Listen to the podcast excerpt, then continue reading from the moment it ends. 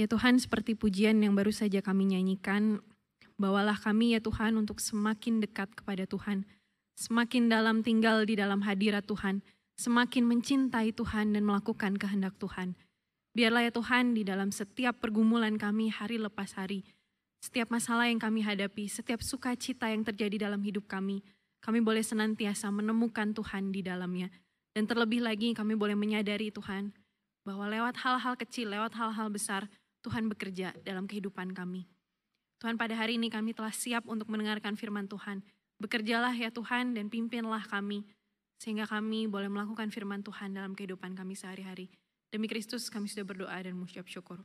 Amin. Jemaat Tuhan, mari kita membuka satu bagian firman Tuhan yang terambil dari kejadian pasal yang ke-22. kejadian pasal yang ke-22, ayat yang pertama sampai ayat yang ke-19. Kejadian 22 ayat pertama sampai 19, saya hanya akan membacakan beberapa bagian ayat saja. Silakan Bapak Ibu Saudara menyimak dan membacanya dalam hati. Kejadian 22. Pertama kita akan membaca ayat yang pertama sampai ayatnya yang ketiga. Kejadian 22 ayat yang pertama sampai ayat yang ketiga. Setelah semuanya itu Allah mencoba Abraham. Ia berfirman kepadanya, Abraham. Lalu sahutnya, ya Tuhan. Firmannya, ambillah anakmu yang tunggal itu yang engkau kasihi, yakni Ishak Pergilah ke tanah Moria dan persembahkanlah dia di sana sebagai korban bakaran pada salah satu gunung yang akan kukatakan kepadamu. Ayat yang ketiga, keesokan harinya pagi-pagi bangunlah Abraham. Ia memasang pelana keledainya dan memanggil dua orang bujangnya beserta Ishak anaknya. Ia membelah juga kayu untuk korban bakaran itu. Lalu berangkatlah ia dan pergi ke tempat yang dikatakan Allah kepadanya. Ayat yang ke-14. Dan Abraham menamai tempat itu Tuhan menyediakan. Sebab itu sampai sekarang dikatakan orang di atas gunung Tuhan akan disediakan. Jemaat Tuhan dipersilakan duduk. Sedemikian jauh pembacaan Alkitab kita.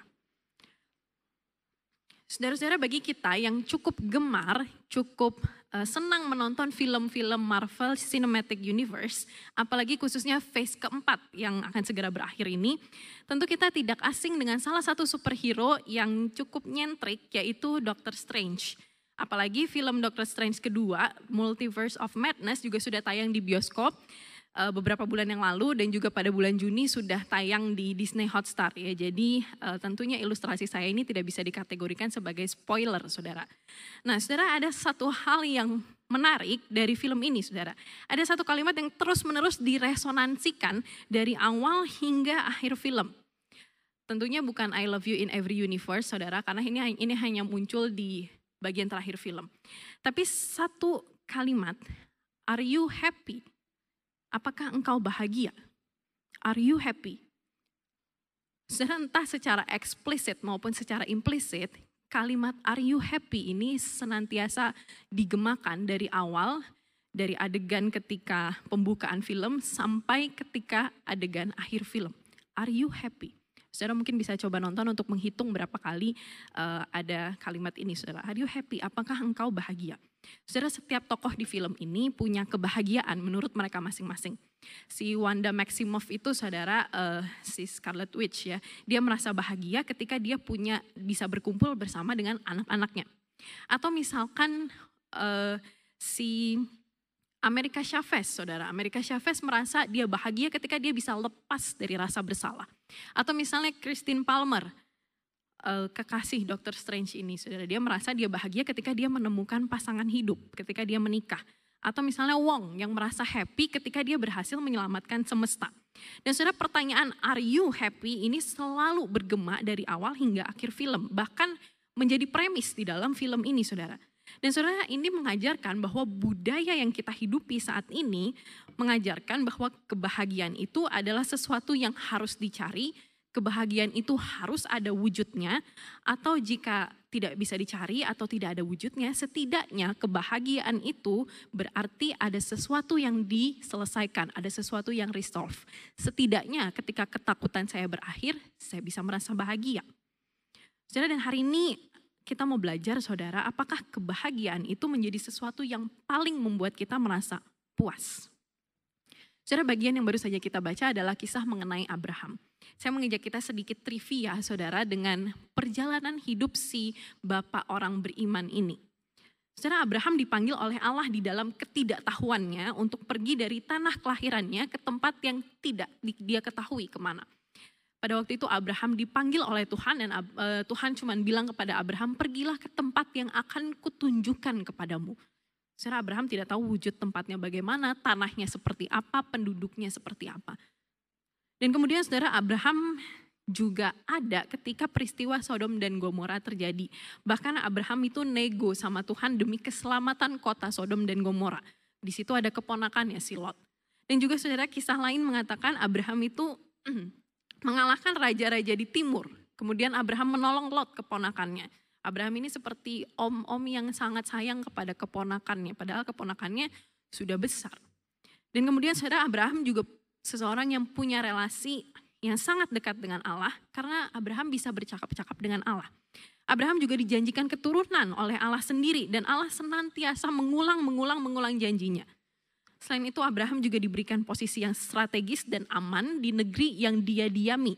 Dan Abraham adalah seseorang yang terhormat Sekalipun Abraham dan Sarah waktu itu statusnya adalah pendatang. Saudara Abraham ini seperti seorang yang bijak, yang respectful, serba bisa, seseorang yang penuh pengalaman. Hidupnya dekat dengan Allah. Dan kalau kita lihat saudara, ada sebuah klimaks, ada sebuah seolah-olah ada sebuah ending, sebuah puncak dalam kehidupan Abraham yaitu ketika Ishak lahir. Saudara penantian yang panjang Abraham akan anaknya yaitu Ishak akhirnya tergenapi. Kehidupan Abraham dan Sarah akhirnya lengkap karena mereka menikmati pemenuhan janji Tuhan melalui lahirnya Ishak. Saudara kehidupan Abraham sebagai papa baru, sekalipun dia sudah tua, rambutnya sudah putih, tapi dia jadi papa baru. Kehidupannya sebagai papa baru bersama Ishak ini merupakan masa-masa yang indah bagi Abraham. Saudara mungkin Abraham merasa, aduh akhirnya, finally, finally janji yang puluhan tahun dia hidupi ini, akhirnya, akhirnya menuju uh, penggenapan. Akhirnya bahkan sudah digenapi. Akhirnya selesai. Akhirnya waktu Tuhan bilang akan lahir anak kandungnya, lahir juga. Dari rahim Sarah, lahir juga. Dan saudara, tapi kenyataannya saudara, kehidupan Abraham, episodenya itu tidak berhenti sampai hanya ketika Ishak lahir. Saudara, pada bagian ketika kepercayaan Abraham itu diuji, saudara, Allah itu beberapa kali mengkonfirmasi kepada Abraham. Allah bilang apa? Ambillah anakmu yang tunggal itu, yang engkau kasihi, yakni Ishak. Ambillah anakmu yang tunggal, yang engkau kasihi, yakni Ishak. Saudara, Allah berkata, yang tunggal, yang engkau kasihi. Dan disebut lagi namanya, Ishak. Sudah tiga kali Tuhan kasih spesifiknya. Ambillah anakmu yang tunggal. Abraham punya anak yang lain namanya Ismail, tapi bagi Allah yang tunggal, yang Allah janjikan adalah Ishak. Yang tunggal, yang engkau kasihi. Allah tahu persis hati Abraham sangat-sangat mengasihi Ishak. Sehingga Allah bilang apa? Yang engkau kasihi. Ishak. Dan ini berarti Allah tidak main-main. Allah bilang sama Abraham, it has to be Isaac. Harus Ishak. Saudara-saudara, setelah itu Abraham kemudian menaati. Abraham nurut sama Tuhan. Saudara pertanyaannya mungkin juga kita tanyakan, kenapa seolah-olah Allah itu seperti ingkar janji kepada Abraham? Kenapa seolah-olah Allah itu tidak konsisten terhadap janjinya? Dia yang menjanjikan anak, sekarang di masa tua Abraham anaknya sudah lahir, dari Sarah juga istri resminya Abraham. Tapi kenapa sekarang diminta lagi? Dan ini bahkan Allah sendiri yang minta lagi. Allah sendiri yang bilang secara spesifik kepada Abraham. Saudara Alkitab tidak menjelaskan Abraham yang berdebat kepada Allah. Tidak dijelaskan Abraham yang tawar-menawar kepada Allah seperti waktu dia tawar-menawar soal Sodom dan Gomora. Waktu Sodom dan Gomora, Abraham tawar-menawar sekali dengan Allah. Abraham nego banget sama Allah. Kalau ada 10 orang aja, kalau ada sekian orang aja. Saudara, tapi ketika ini justru tentang anaknya, tentang Ishak. Abraham tidak tawar tawar menawar. Abraham tidak nego. Abraham tidak bilang, Tuhan sabar saya baru menikmati posisi jadi papa baru. Tuhan sabar nanti tunggu Ishak sudah punya istri, sudah menikah baru Tuhan minta Ishak. Tuhan tunggu, tunggu saya sudah mati, saya sudah eh, nggak e, bertemu Ishak lagi, baru Tuhan minta Ishak. Tidak saudara, Abraham tidak nego sama Allah. Abraham tidak, bahkan tidak mendebat Allah sama sekali. Dia bahkan tidak bertanya saudara-saudara. Dan saudara mungkin bagi kita lebih masuk akal bukan kalau Abraham itu nego. Wong ini tuh anak yang sudah dijanjikan sendiri oleh Allah. Ini tuh anak yang sudah digenapi sendiri oleh Allah. Tapi saudara nyatanya Abraham pada bagian ini dia sangat-sangat menuruti Allah. Saudara episodenya kemudian berubah saudara setelah Allah berfirman tanpa basa-basi langsung diceritakan adegan besok paginya, pagi-pagi benar Abraham udah siap-siap. Dia siapkan kendaraannya kuda, dia siapkan anaknya, dia siapkan bujangnya. Abraham seolah-olah dari orang yang sangat terpandang sedemikian rupa, dia menjadi si orang paling penurut. Kemudian dia naik ke Gunung Moria dan mempersiapkan untuk mengorbankan Ishak. Dan saudara-saudara di dalam perjalanan itulah saudara mungkin dialog yang paling menyakitkan bagi hati Abraham pada waktu itu adalah ketika Ishak bertanya, Papa, kita mau jalan. Kita mau kasih persembahan buat Tuhan. Tapi mana persembahannya? Mana korbannya? Saya sebagai seorang ayah tentu itu pertanyaan yang sangat menyakitkan bagi Abraham. Karena Abraham tahu yang harus dikorbankan adalah ya anak yang lagi nanya ini. Tapi Abraham cuma bilang apa? Allah yang menyediakan. Saudara kalau kita mau rekonstruksi ulang adegannya, Saudara mungkin kita akan mencoba merasakan bagaimana jika sesuatu yang sangat kita treasure, sangat yang membuat kita puas, sangat membuat kita bahagia, hidup kita seolah-olah kita berikan kepada sesuatu itu, kemudian harus hilang. Saudara tentu itu rasanya sakit bukan? Tentu ada sesuatu yang hilang rasanya. Jika sesuatu yang sangat-sangat kita hargai, sangat-sangat kita cintai, sangat membuat kita merasa utuh, merasa lengkap, akhirnya direnggut dari kita. Apalagi pada kisah Abraham yang meminta Ishak lagi, yang meminta Ishak adalah Allah sendiri. Saudara, kalau Abraham berpikir kebahagiaannya itu ditentukan oleh penggenapan janji Allah dengan kehadiran Ishak, mungkin jadinya Abraham tidak akan taat pada Allah. Kalau Abraham berpikir kebahagiaannya ditentukan dari penggenapan janji Allah akan lahirnya Ishak, Abraham tidak akan taat pada Allah. Kalau Abraham mendasarkan kebahagiaannya pada kehadiran Ishak anaknya yang tunggal, maka Abraham tidak akan naik ke gunung Moria. Dia akan jaga Ishak setengah mati. Dia akan kurung Ishak mungkin di dalam tenda sehingga dia Ishak tuh nggak bisa ke mana-mana. Setelah tapi kita melihat bahwa Abraham tidak mendasarkan kepuasannya pada apa yang Allah berikan. Justru Abraham mendapatkan Allah itu sendiri ketika dia memutuskan untuk tidak menagih apa-apa lagi dari Allah.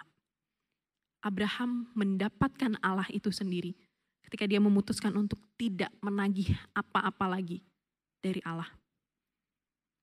Saudara pada bagian akhir yang kita baca saudara-saudara, dikatakan Abraham itu kembali ke Bersheba. Kembali ke Bersheba. Dan persis di pasal sebelumnya saudara, Bersheba itu adalah sebuah milestone baru sebenarnya, sebuah tempat yang berarti juga bagi Abraham. Tempat itu adalah tempat di mana Abraham menyebut Allah sebagai Allah yang kekal.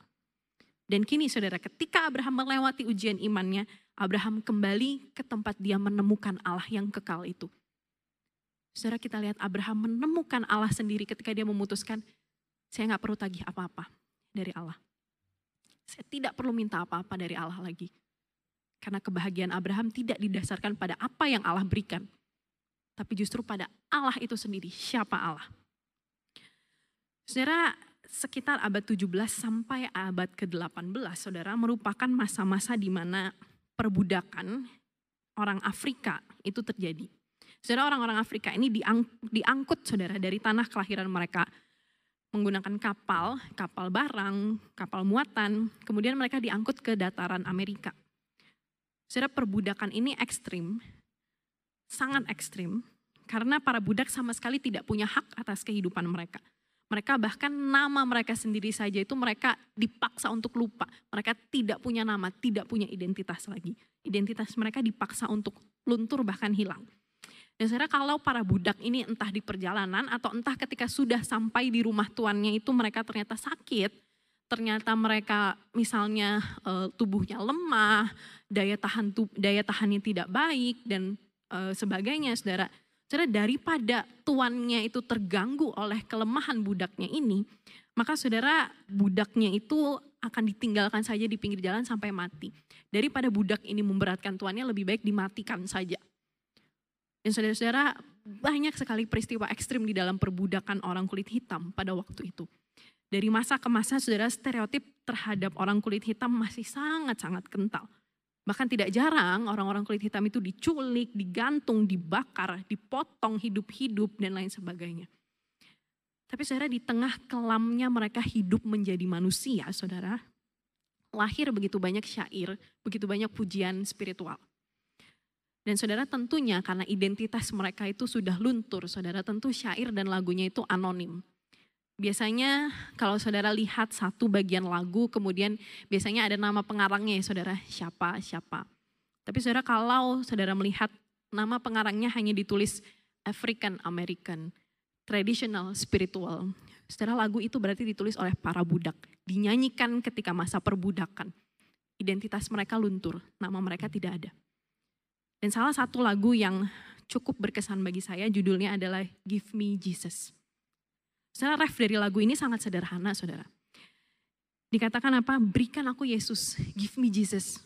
You may you may have all this world with its troubles and cares.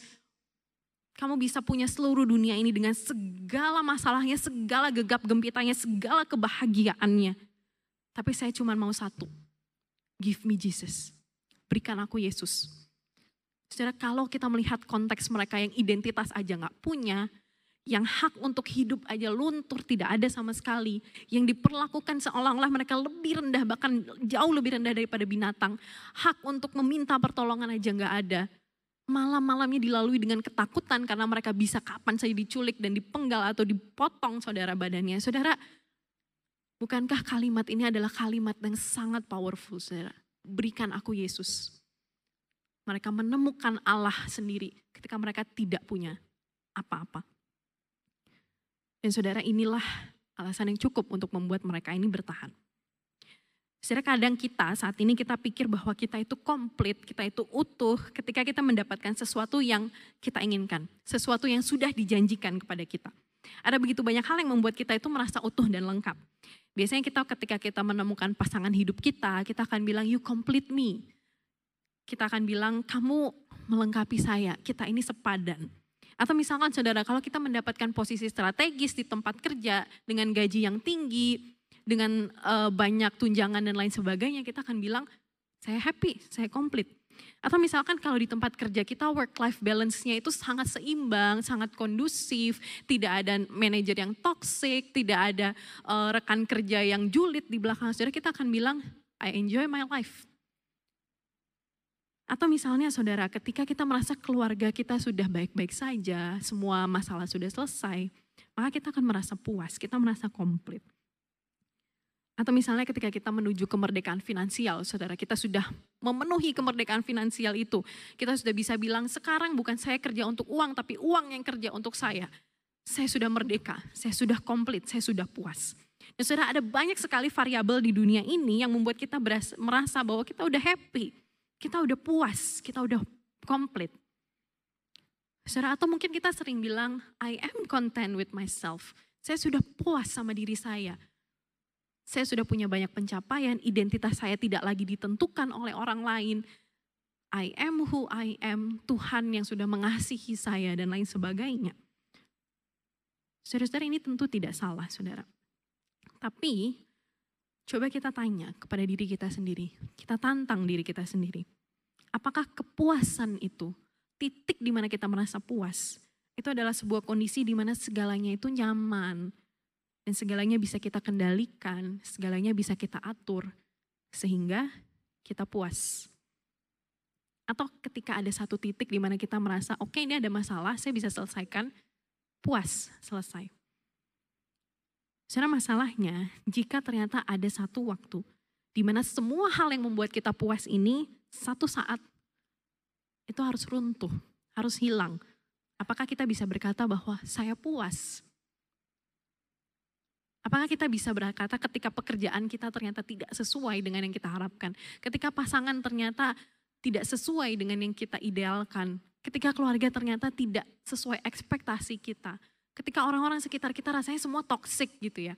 Saudara, apakah kita bisa bilang bahwa kita sudah puas, sudah happy?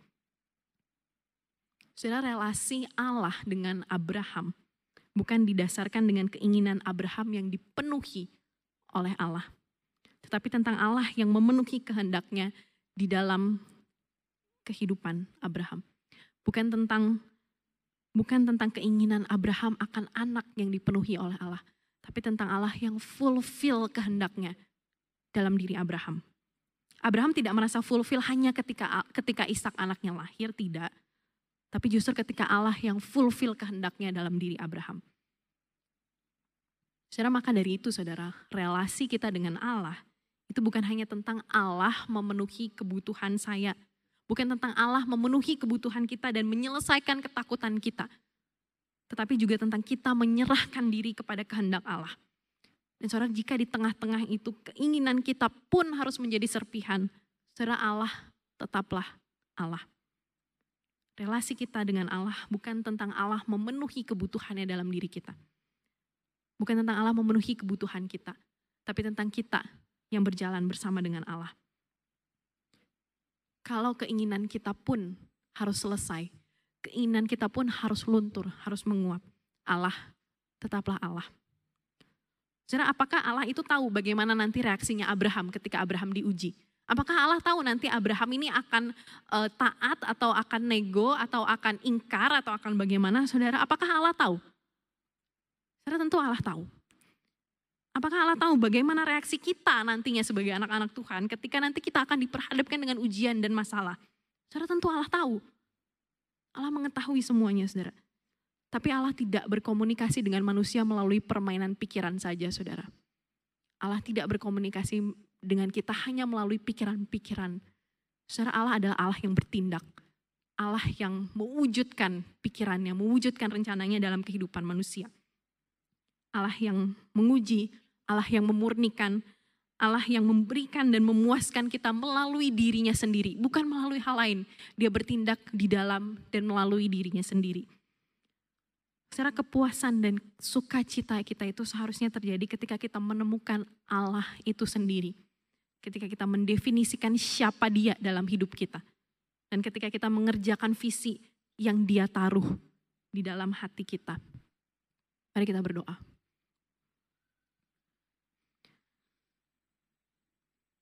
Ya Tuhan ambil dan terimalah setiap kehendak kami, setiap keinginan kami, setiap hal yang kami banggakan.